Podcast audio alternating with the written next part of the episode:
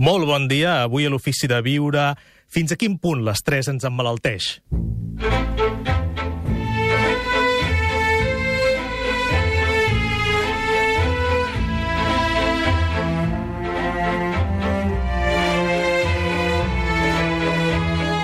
Gaspar Hernández. L'Ofici de Viure.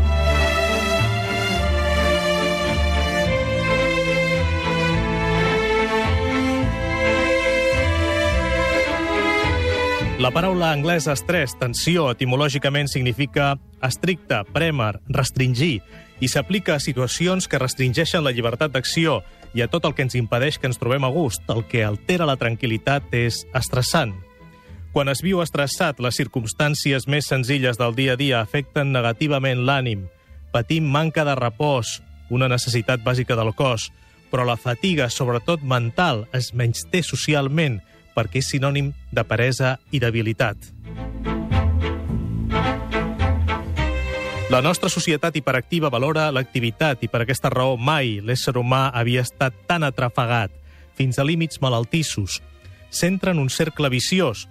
Per falta de recuperació del sistema nerviós, baixa l'energia i es genera ansietat i baix rendiment. S'acumulen la feina i les preocupacions, més ansietat i es nega el repòs necessari perquè el cervell recuperi l'equilibri. Diu el doctor Masgrau, que ens acompanya avui a l'Ofici de Viure, que l'estrès i allò que comporta, esgotament, ansietat, depressió, preocupacions, frustracions i tot aquest conjunt de trastorns emocionals que l'acompanyen, augmenta el risc de tenir atacs de cor, asma, infeccions, càncer, malalties relacionades amb la baixa immunitat i afavoreix i agreuja tot tipus de malalties. Hi ha estudis que mostren que les persones pessimistes sempre a l'expectativa d'un desastre, tenen tantes possibilitats de tenir un atac de cor com les que fumen o tenen excés de sucre. Anar sempre amb presses i tard, tenir massa coses i moltes responsabilitats, viure a contrarrellotge, escurça la vida. Diu el doctor Masgrau que estem sotmesos a tanta tensió que es tendeix a considerar la relaxació com a oposada a l'activitat, quan, de fet, la verdadera relaxació és la que es manté dia i nit, perquè és l'estat natural de la persona, l'únic que permet viure l'existència en plenitud. Diu Andrés Martín Asuero, que ens acompanya també avui al programa, expert en mindfulness, que l'entrenament en consciència plena ens permet identificar allò que ens causa estrès per poder actuar de manera ràpida i eficaç i respondre a l'estrès amb consciència. Avui a l'Ofici de Viure, fins a quin punt l'estrès ens emmalalteix? Luis Rojas Marcos. Una mica d'estrès és saludable, però molt estrès continuat perjudica la nostra capacitat de funcionar.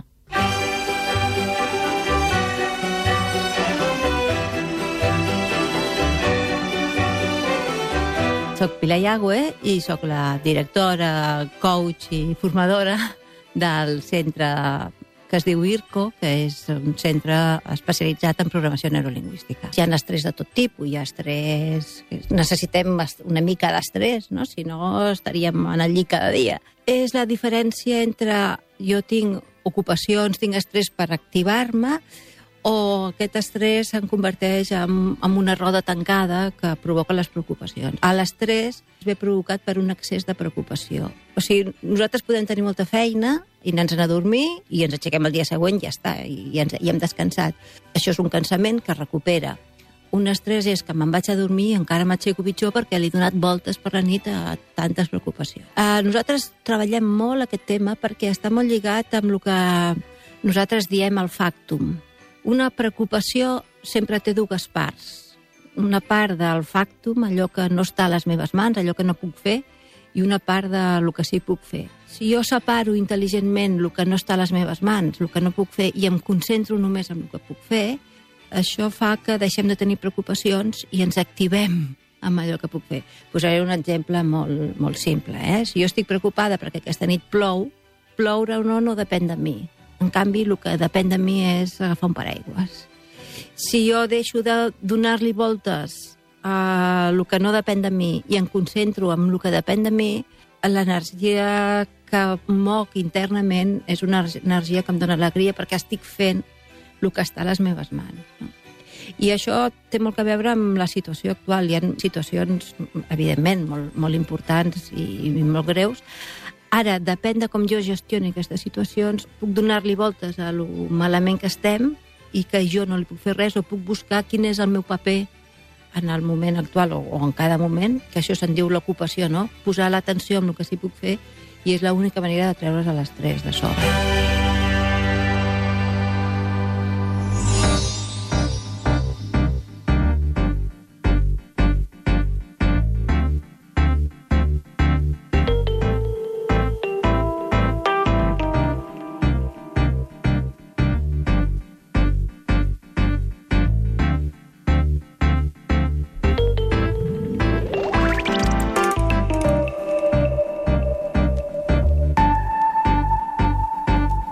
Avui a l'Ofici de Viure de Catalunya Ràdio, fins a quin punt l'estrès ens emmalalteix?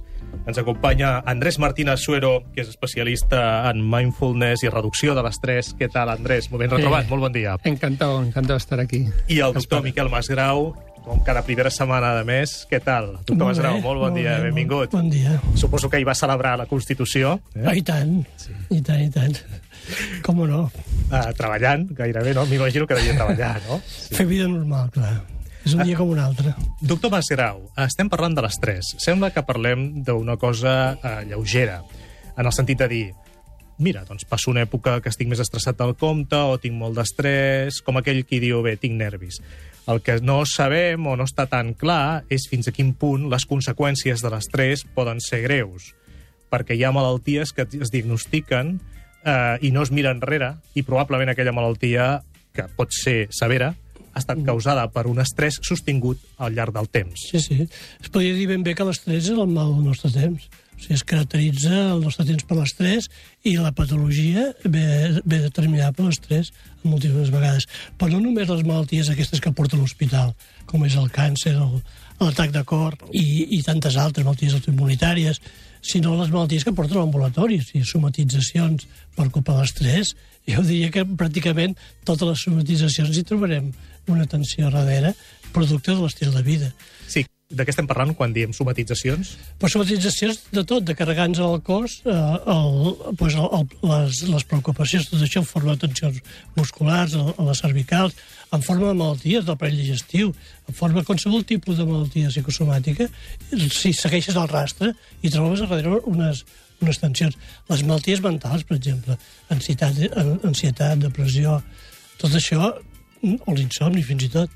Si, si, si comptes etiquetar-los de malaltia i, per tant, una mica donar-li la culpa a la persona, diguem que, que el seu cervell no li fa no sé quina, quina substància química, miréssim les condicions que, fa, que provoquen això, resultaria que pràcticament totes, les, totes o gran part de les depressions i les ansietats no són res, res més que una, una situació d'estrès, que si desapareixés, desapareixeria la malaltia i la persona viuria ben tranquil·la. Clar, cal recordar que hi ha diferents graus d'estrès. Sí, no, i al mateix temps, és que el, per mi el problema, el, el pitjor no és la malaltia que crea, sinó que l'estrès dona mala vida exactament a tothom. O sigui, ens roba la tranquil·litat. I no sols roba la tranquil·litat, sinó que ens roba la nostra manera de ser, ens roba el caràcter, ens roba, ens posa mal humor, ens canvia l'humor, ens canvia la personalitat, de fet. I no només això, sinó que, a més a més, l'estrès s'encomana. I llavors, quan una persona està estressada, reparteix, escampa aquest estrès al voltant, que se li gira contra ell, també. És a dir, per mi l'estrès és un problema de salut pública número un. Un problema de salut pública número 1, diu el doctor Masgrau, amb contundència. Avui n'estem parlant a l'Ofici de Viure.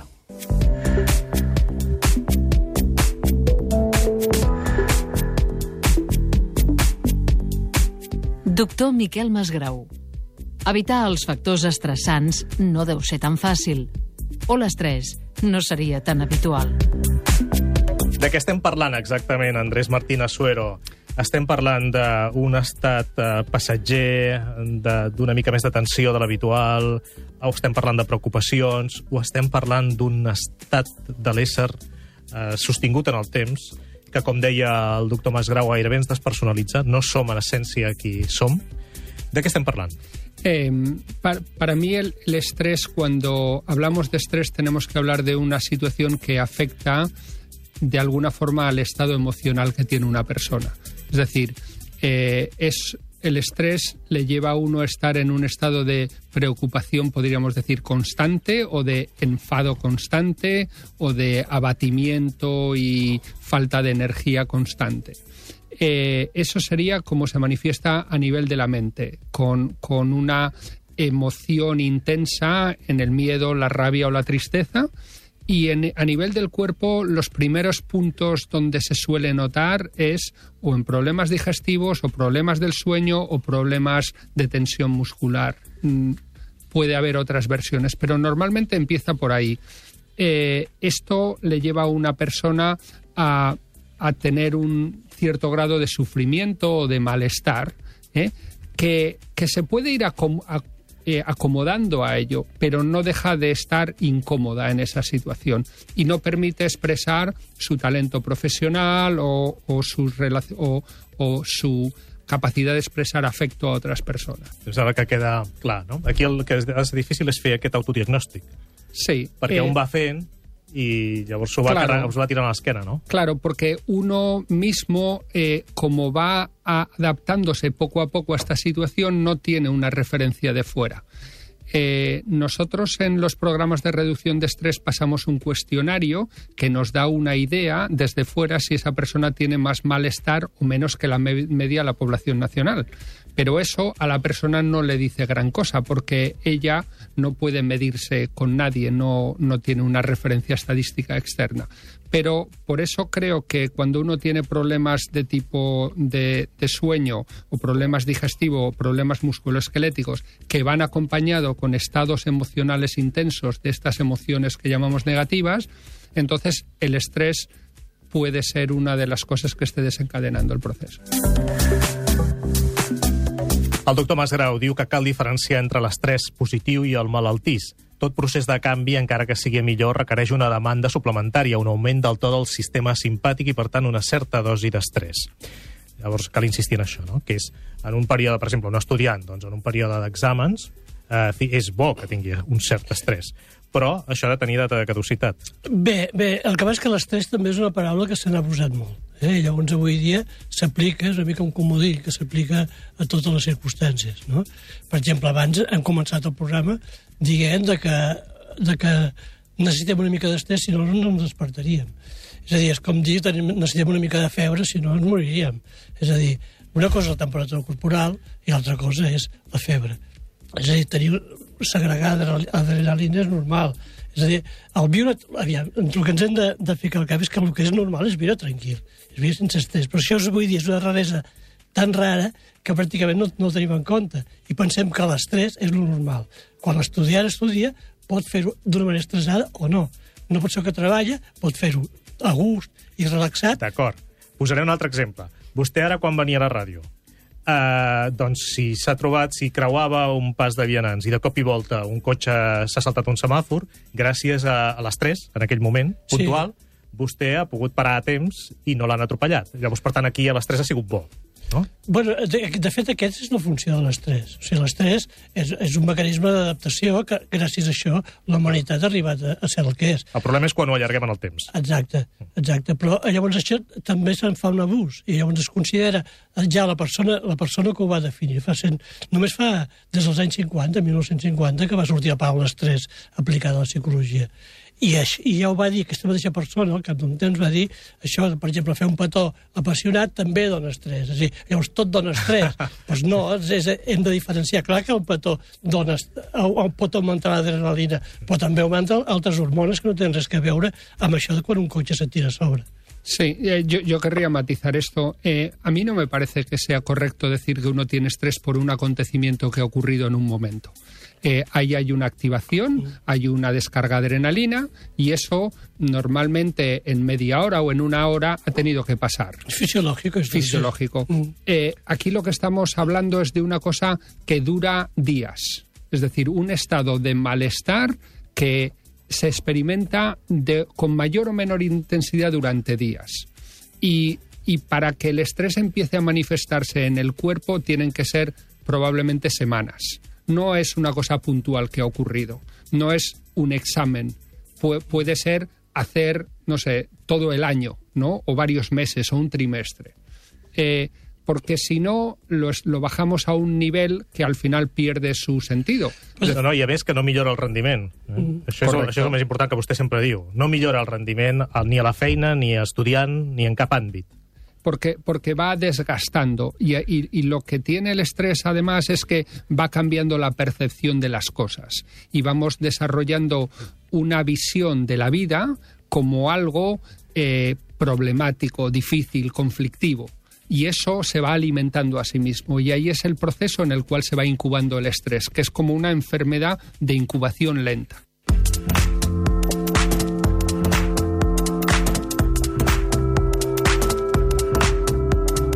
Andrés Martínez Suero. L'estrès afecta com a mínim un de cada cinc treballadors europeus. Segurament l'Andrés es va quedar una mica curt, eh? Crec, amb aquesta... Vostè es va curar amb salut, però crec que es va quedar curt. Un de cada cinc. Bueno, eso es lo que dice la estadística de seguridad en el trabajo hecha por la Unión Europea, que es un organismo ampliamente citado. ¿no? bé. És que està generalitzat l'estrès. Jo crec que l'estrès es basa en una qüestió fonamental, i és que al temps modern fem molt poca activitat física, que és, havia sigut l'estrès típic, no? el cansament físic, i tenim una sobrecàrrega eh, intel·lectual o, que és, que és, o mental, diguem, fortíssima com mai a la història de la humanitat. Ha una quantitat d'estímuls i això fa que tota la població estigui normalment ja estressada de base. És quan diguem estem estressats, vol dir que ja estem a, a tope d'estrès. Un diguem, tema, no? per exemple, del qual hem parlat amb l'Andrés Martín, que contribueix a aquest estrès generalitzat, són les noves tecnologies. Sí, és. Eh, per exemple, els oients que ens estiguin escoltant i que tinguin encara pendents correus electrònics per respondre, segur que només amb la imatge dels correus que han de respondre ja els ve l'estrès. Sí, eh, yo, yo suelo poner el ejemplo, es que creo que cada tres meses se duplica la velocidad de los procesadores, eh, pero nuestro sistema nervioso en los últimos 50.000 años no se ha duplicado su capacidad.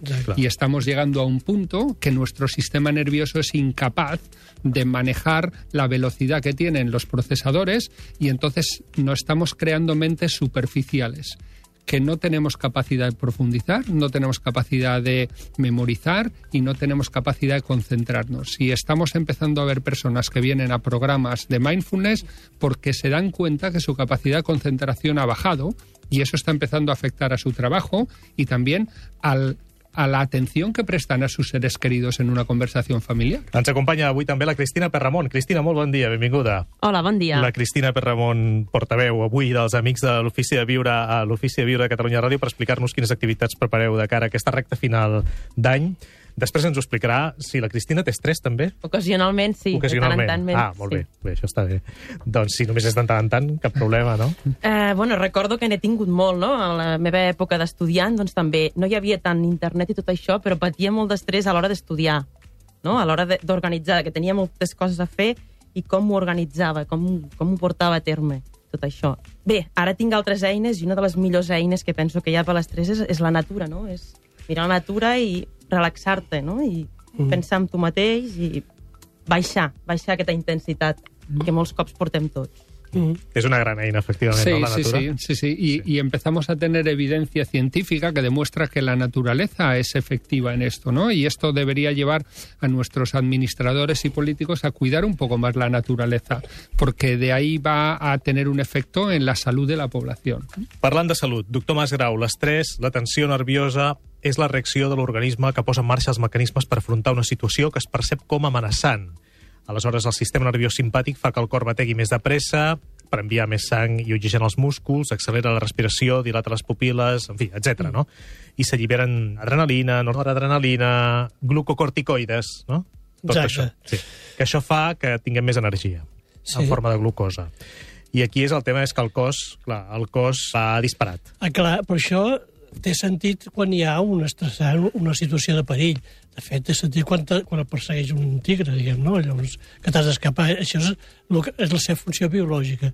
Ara bé, eh, en aquest moment tenim moltes, molt, molt, tenim inconscientment, estem molt, molts cops en risc de, en perill de la integritat física, no? Anant pel carrer, vull dir, hi ha quantitat d'estímuls que ho tenim assumit, agafes la moto, te'n vas pel mig dels cotxes i ho tens a fer per l'inconscient, sap que estàs en situació de, de perill, de certa manera, això ho registra. Però el que és, per mi, l'estrès, El que és realment l'estrès és que amenaça, l'amenaça de l'estrès és totes les coses que posen en qüestió la tranquil·litat. O sigui, quan... I llavors, les coses que posen en qüestió són tantes que pràcticament per això avui dia l'estrès és, és comú. Efectivament, aquí ja entrem a les preocupacions que deia abans la Pilar Iagüe en començar el programa. Les preocupacions, la por del futur, la por de si ens quedarem sense feina, tot això estressa també. Sí, eh, a, además hay una, hay una constante en todo esto, que es que la atención está centrada en algo que no está ocurriendo en el momento presente. Por lo tanto, uno no puede actuar. Y, y esta idea de que la mente está pensando o en el futuro o en el pasado, que son dos, podríamos decir, territorios donde la acción no puede llegar, resulta muy frustrante.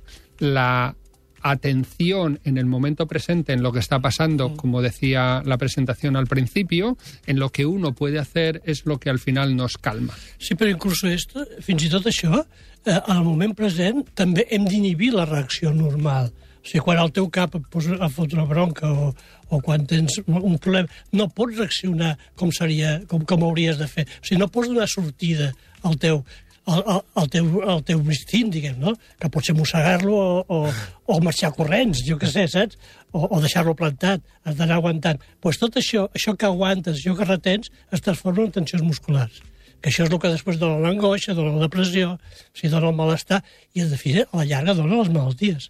Per tant, eh, diu doctor Masgrau implícitament que estaria bé que al cap de la setmana reviséssim quines tensions musculars tenim, no? Per exemple, per començar. Bueno, cada dia ho podríem cada fer, clar, eh? relaxar-nos. I llavors el que és important és un treball de consciència, és un clar. treball de prendre distància amb els teus propis pensaments, que això és el kit de la qüestió. O sigui, és, és veure que els pensaments realment no són teus, sinó que, en certa manera, et venen, et venen donats i saber discernir entre els que interessa quedar-te amb ells i els que no.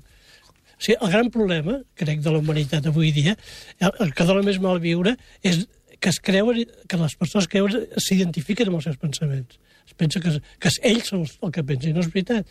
O sigui, a la que aconsegueix agafar distància, a la que tu veus com una cosa de fora, i que diu els pensaments i les emocions, aleshores això deixa d'afectar-te. Llavors, la consciència realment tens, tens la, la consciència sana i, i amb això pots guiar-te molt millor. Sí, es, es, eso es muy, es muy importante y además va aparejado con otro proceso eh, que es cuando una persona se da cuenta en un momento dado que lo que está diciendo o lo que está sintiendo le produce una tensión muscular en un sitio y puede establecer una relación causa-efecto, de esa relación causa-efecto empieza a cuidarse porque gran parte del estrés es que no nos damos cuenta y como no nos damos cuenta no nos cuidamos y cuando lo sentimos ja és tarde, és una cosa que ja s'ha incubat.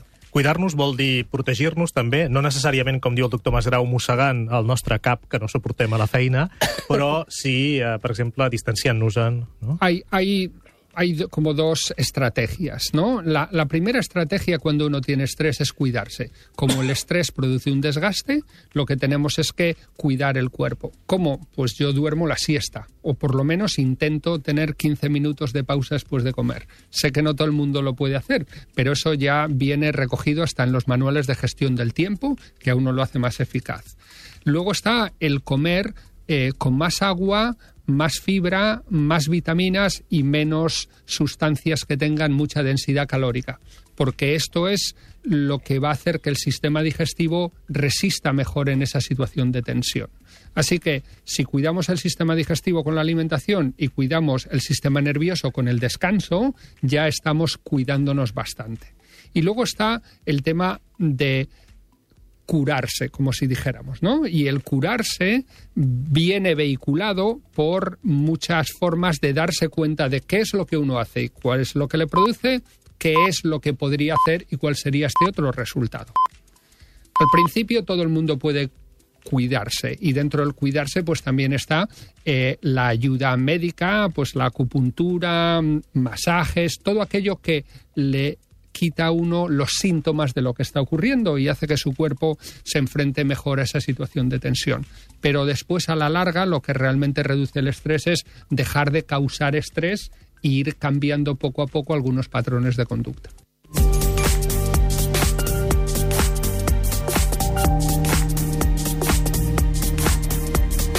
Lama Gendum Rinpoche. La felicitat no es troba amb sinó amb el relaxament.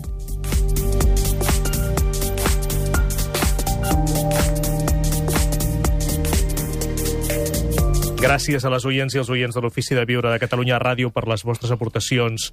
Al mur del Facebook, l'assumpte diu crec que un excés d'estrès continuat és l'origen de la fibromiàlgia que pateixo.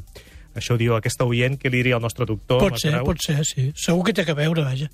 Sí, però això normalment no trobarem molts metges que ho diguin, que una causa de la fibromiàlgia pot ser l'estrès. que els, els metges només miren el que es pot comptar i el que es pot pesar, i com que això l'estrès no es pot ni pesar ni comptar, L'Anna diu esport a diari per intentar deixar la ment lliure, encara que de vegades és difícil.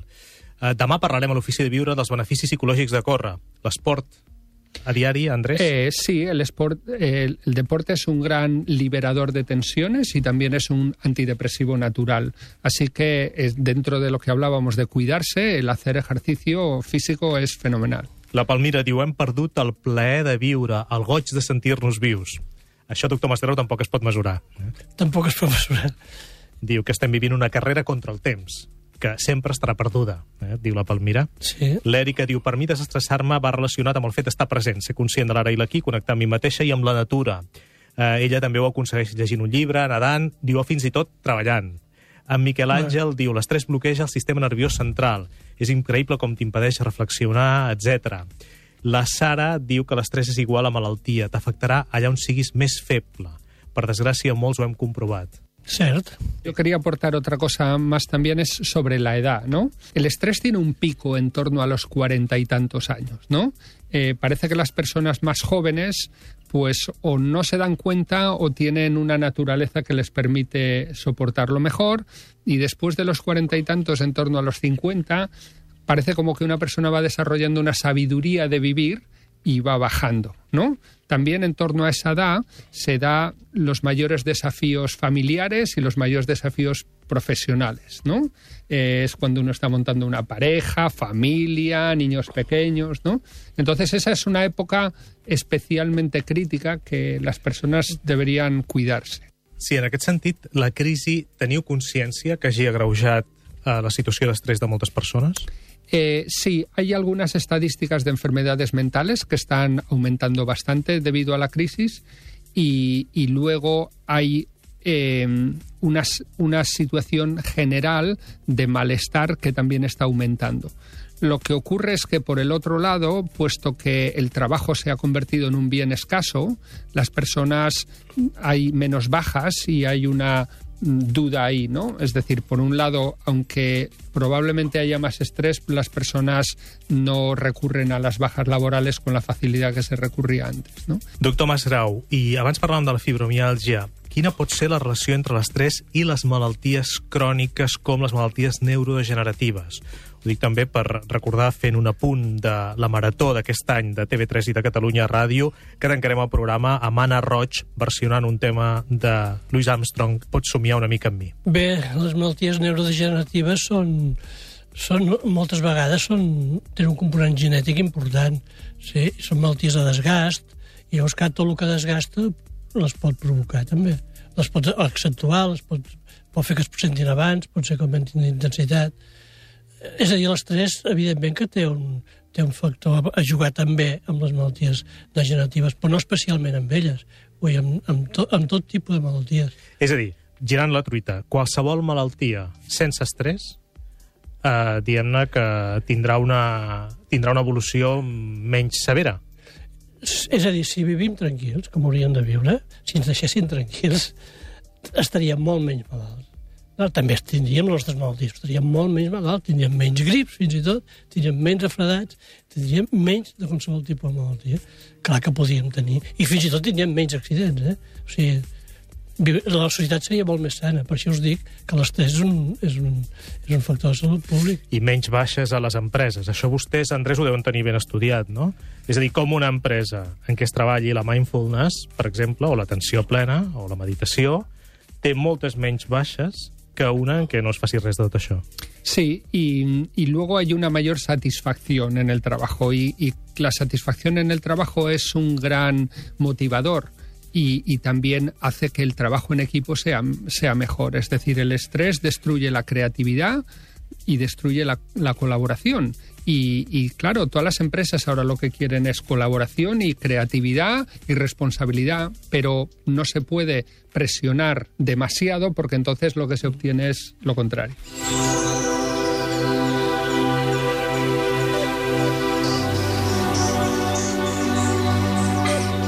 William James.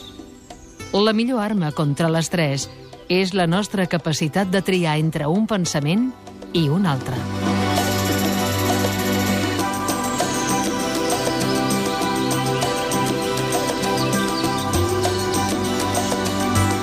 Això és el que ens deia el doctor Masgrau abans, no, no creure'ns tot el que ens pensem. No tots els nostres pensaments tenen la raó.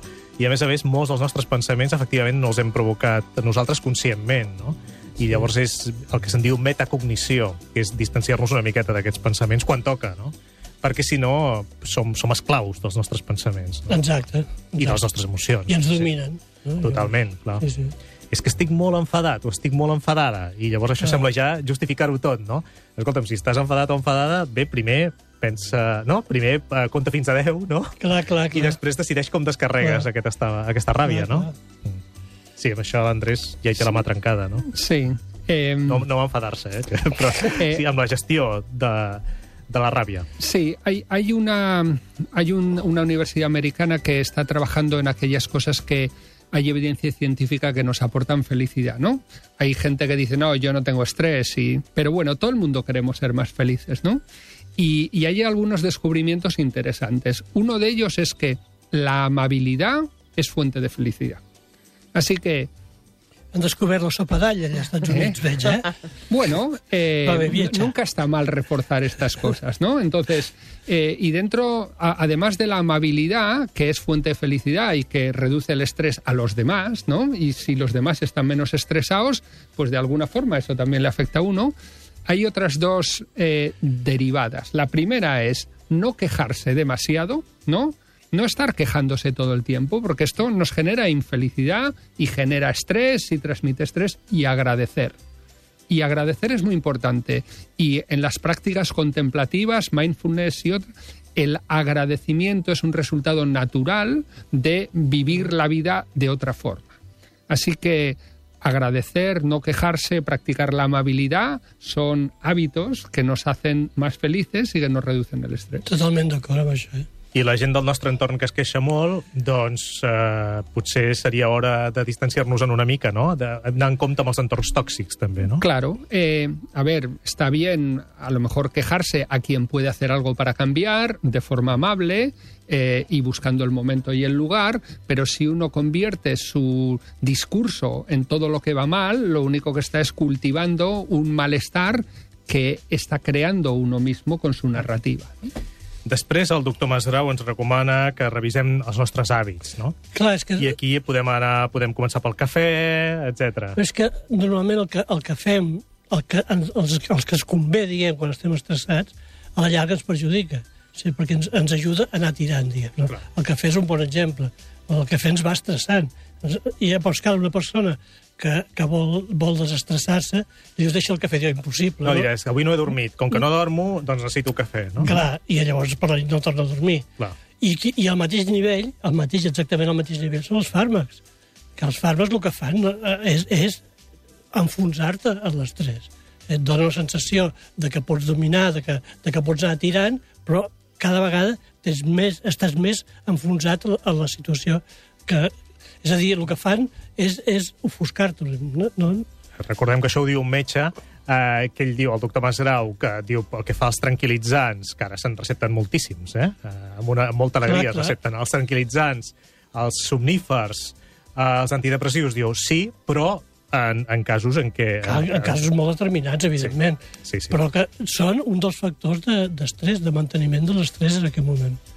No, i després que, es- que s'allarguen durant molt de temps, no? Les receptes d'aquests... de- d'això. No, no, clar, és que ja a més es donen ja per vida. I després d'això ja he ves tirant. No, home, no. O sigui, llavors, clar, si tu tens un problema, que és el que t'està enfonsant, llavors, quan prens un tranquil·litzant, el que perds és la consciència, les possibilitats de veure la solució del problema, O de, de, de trobar el camí de sortida. Sí, es perd lucidesa. Clar, et conformes amb el que hi ha i vas tirant, saps? Així és. Sí, en Vas- pensa l'Andrés? Vas drogar. Sí, sí, completamente de acuerdo. Eh, es decir, es lo mismo que el alcohol, ¿no? Si una persona eh, intenta resolver los problemas de su vida tomando alcohol, es cierto que el alcohol le da una distancia sobre los problemas de su vida, pero le quita la capacidad de afrontarlos con lucidez y con eficacia.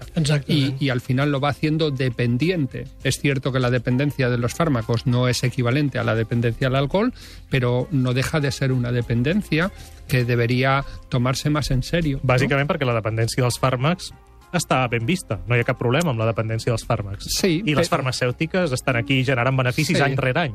Sí, pero, pero luego hay otras derivadas interesantes. Es decir, que cuando una persona empieza a tomar fármacos para modular sus emociones, va perdiendo su capacidad natural de regular sus emociones y hay algunas cosas como enamorarse que ya no lo puede hacer porque químicamente está incapacitado y no puede maravillarse de cosas porque sus emociones naturales se han visto anestesiadas por la química que va introduciendo.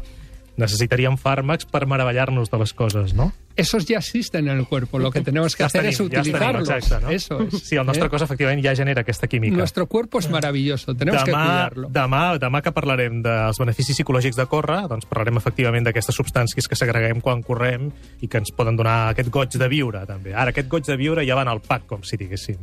És el que, deia, els que ens deia abans el, el doctor Masdrau, no? Viure tranquil, no? Uh, tampoc cal buscar tants estímuls externs. No, no, no. I, de fet, l'exercici el que fa és cremar, cremar la... És a dir, compensar una mica aquesta... aquesta és, és, és voler superar l'est- l'estrès a base de, de, de, del cansament, diguem, no? I el repòs que necessitem és un altre, no? No és el repòs de- de- d'estar esgotat muscularment, sinó un repòs mental. No? I el repòs l'hem de trobar en el dia a dia, en l'activitat que fem, de fer-les tranquil·lament. No anar fent tot el dia, anar com una moto i després anar a córrer, seguir com una moto, de, de relaxar, o sigui, treure molt, molta energia i després tornar una altra vegada a l'activitat eh, exagerada. De tant en tant podem parar i fer unes respiracions profundes, oi, sí, Andrés? Ah. sí. em, la- el recurso a la respiración, el, el tomar conciencia del aire que entra y que sale con los ojos cerrados o con la vista posada en un sitio durante unos pocos minutos, quizá dos minutos, dejando que la respiración fluya de forma natural, es un recurso muy eficaz y que nos ayudaría mucho como a resetear la mente.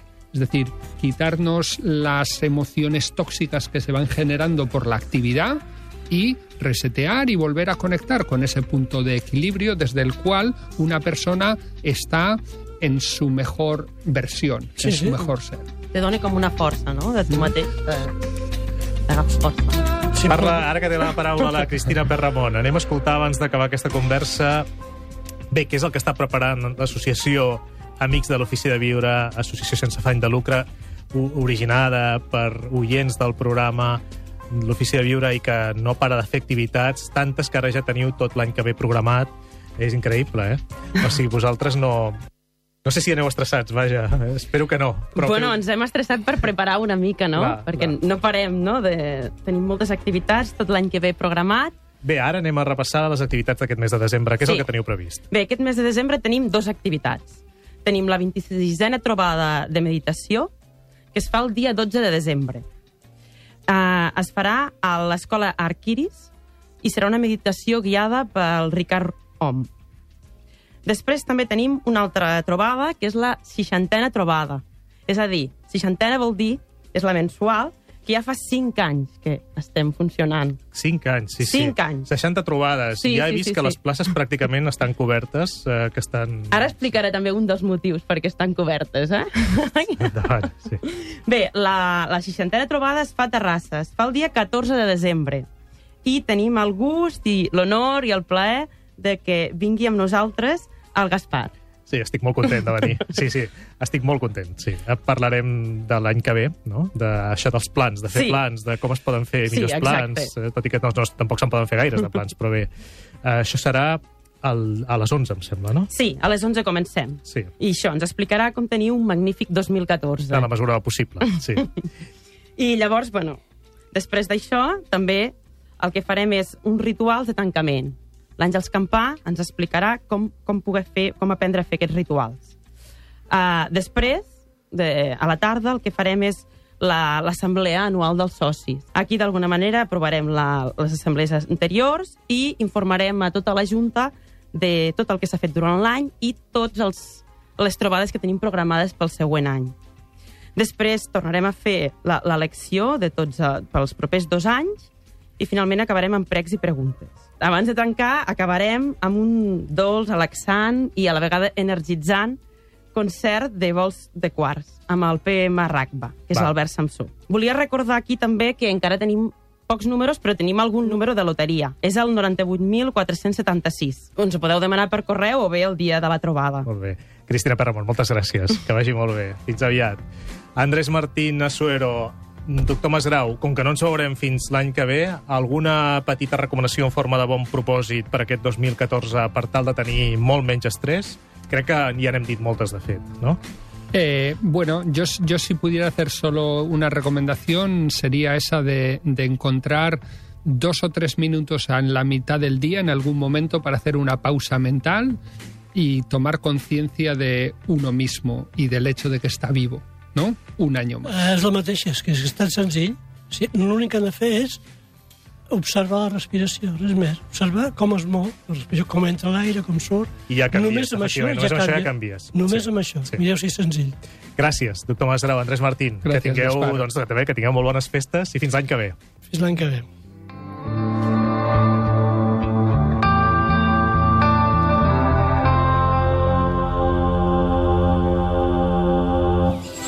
Soc Àlex Rovira i aquests són els principis de l'ofici de viure. Humilitat, prosperitat, consciència i amor. Un programa fet amb rigor. Des de l'amor. i pel benefici de tots els Cèsars. Feu podcasting allà on aneu amb l'ofici de viure. Al web catradio.cat teniu tots els ofici de viure mesos a la vostra disposició per escoltar sempre que vulgueu. L'ofici de viure amb Gaspar Hernández. Un programa sobre conducta humana. L'ofici de viure. Més de 6 milions de descàrregues la temporada passada. L'Ofici de Viure, la sort és que és un programa que s'escolta des de qualsevol punt del món i que és intemporal. Espero escoltar-vos de llocs molt remots moltes vegades, amb molts podcasts. Eh? Penso que aquest programa és un programa que és una bona notícia. I la gent és prou intel·ligent com per escoltar-lo i com perquè sigui el programa líder, per exemple, de descàrregues. Per què? Perquè quan tu dones bon material a la gent, la gent sap el que vol. El que passa que has de posar a l'abast de la gent material que val la pena. L'ofici de viure.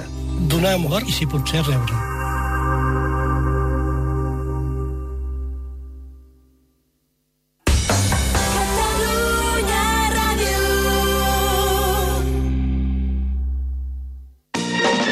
Avui a casa dels Gámez la temperatura no passarà dels 15 graus perquè se'ls ha espatllat la caldera. S'espera que un front d'aire siberià entri per totes les habitacions. Evita imprevistos amb Servigas, el servei de manteniment de gas natural fenosa amb el que tindràs la caldera sempre a punt. Contracta'l des de 7 euros al mes trucant al 902 06 06 52.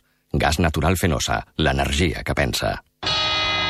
No esperis a cap d'any per demanar un desig. Si el que vols són les millors ofertes, vine a Capravo. Tenim el pernil de bodega Venta Grande en oferta 2 per 1, dos pernils per només 69 euros amb la teva targeta al meu club. Fins al 31 de desembre. Capravo, qualitat com sempre, preus com mai. A veure, quants anys té el seu fill? Nou. I què li passa exactament? No ho sé, doctor. Des de fa un temps s'avorreix. No té ganes de fer res, està apagat. Què em recomana? Mm, doncs que es prengui un cavall fort cada 15 dies. El següent... Cavall Fort, la revista que cura l'avorriment. Subscriu-li a cavallfort.cat o al 93 218 62 20. Clara Segura i Bruno Oro protagonitzen La Rosa Tatuada al Teatre Nacional de Catalunya. Un homenatge a la vida i a la felicitat en l'obra mestra de Tennessee Williams que per primera vegada es presenta en català. La Rosa Tatuada, del 12 de desembre al 2 de febrer a la Sala Gran del Teatre Nacional. Compra d'entrades a la web tnc.cat o a les taquilles del teatre. Des de divendres fins diumenge amb el diari Ara, Contagia't del positivisme i la vitalitat de les Macedònia amb el seu nou CD Flors. 13 noves cançons amb el seu èxit Senyor Bert inclòs. Recorda-ho, divendres, dissabte i diumenge per 12 euros amb 99. Només amb l'Ara, només al teu quiosc. No esperis a cap d'any per demanar un desig. Si el que vols són les millors ofertes, vine a Capravo. Tenim el pernil de bodega Venta Grande en oferta 2 per 1, dos pernils per només 69 euros amb la teva targeta al meu club. Fins al 31 de desembre. Capravo, qualitat com sempre, preus com mai.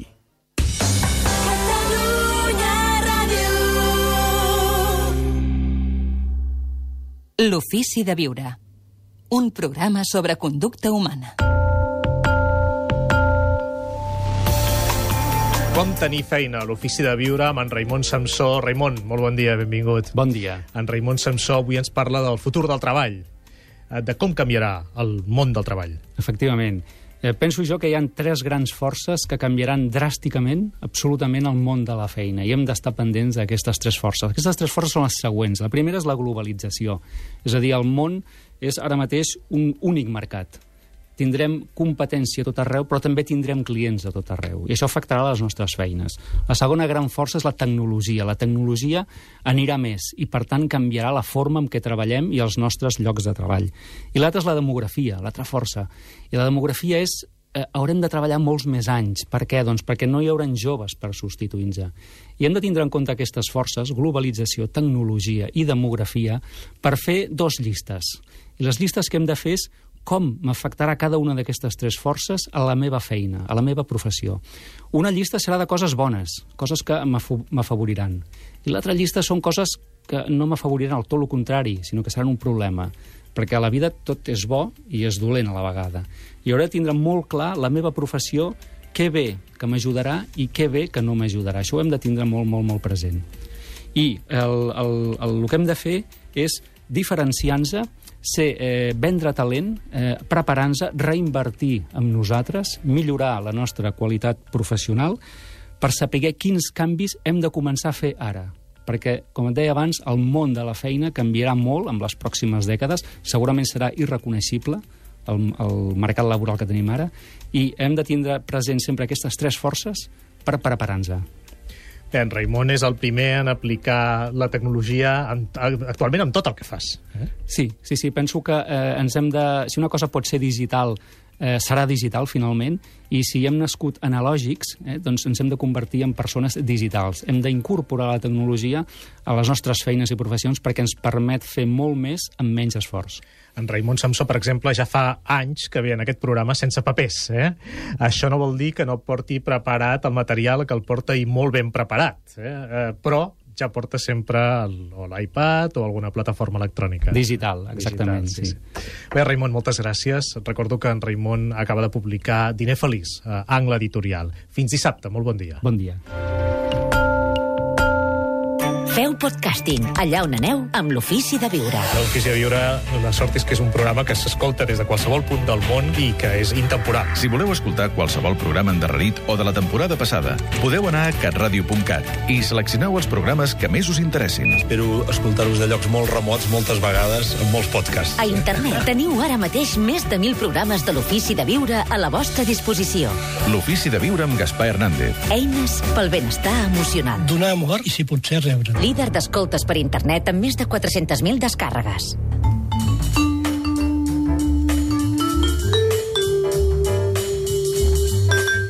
Hola, perdón por escribir en castellano. Soy una mujer de 62 años. Conocí a mi marido a los 17. Él me lleva 11 años. Ha sido un hombre de mucho carácter, hecho a sí mismo, y he tenido que vivir siempre con las reglas que él ha marcado. Yo estaba muy enamorada de él, y como no entendía mi vida sin él, no tuve más remedio que vivir y hacer siempre todo lo que quería. Ahora pienso que quizás me dominaba por mi necesidad de sexo, que él siempre complacía y satisfacía. Él es una buena persona, pero no pensamos ni tenemos las mismas opiniones, como podría ser de política, religión o maneras de vivir. Ahora que ya soy mayor y ya no tengo esa necesidad sexual, mi vida con él se me hace muy pesada, pues sigue queriendo dominar mi vida y yo no quiero. ¿Pueden aconsejarme, por favor?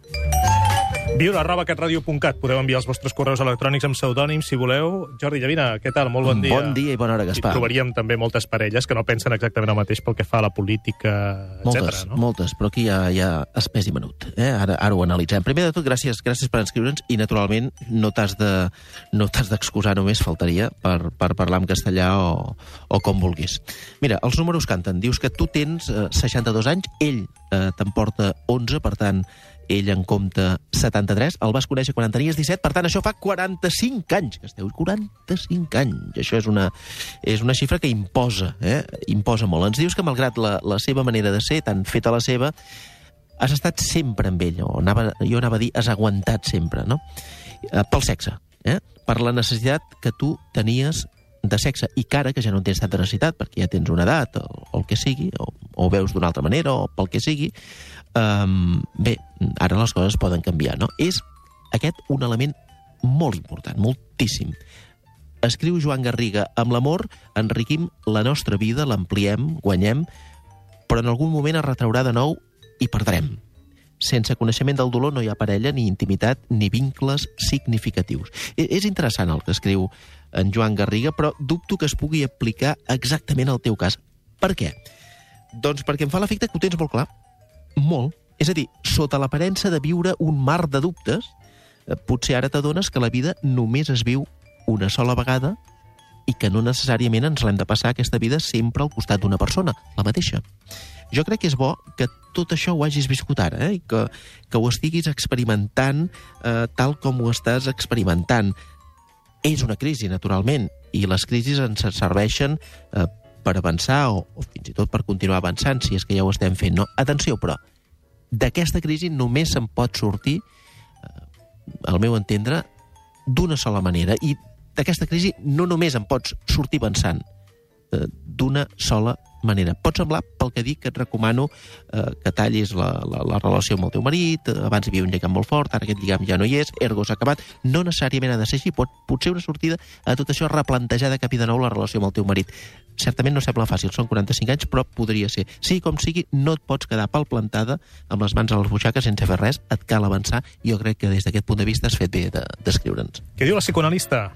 que no saps si és possible aquest dilema, eh, eh, si la, el desenamorament va dur a la manca de desig o, o va ser al revés, que va ser la manca de desig la que va provocar aquest desenamorament. En tot cas, tot i que la part sexual, ens diu la Yolanda Socint, la part sexual d'una parella és la que més enganxa, potser seria molt agosarat dir que és l'única part que l'aguanta durant 45 anys, oi?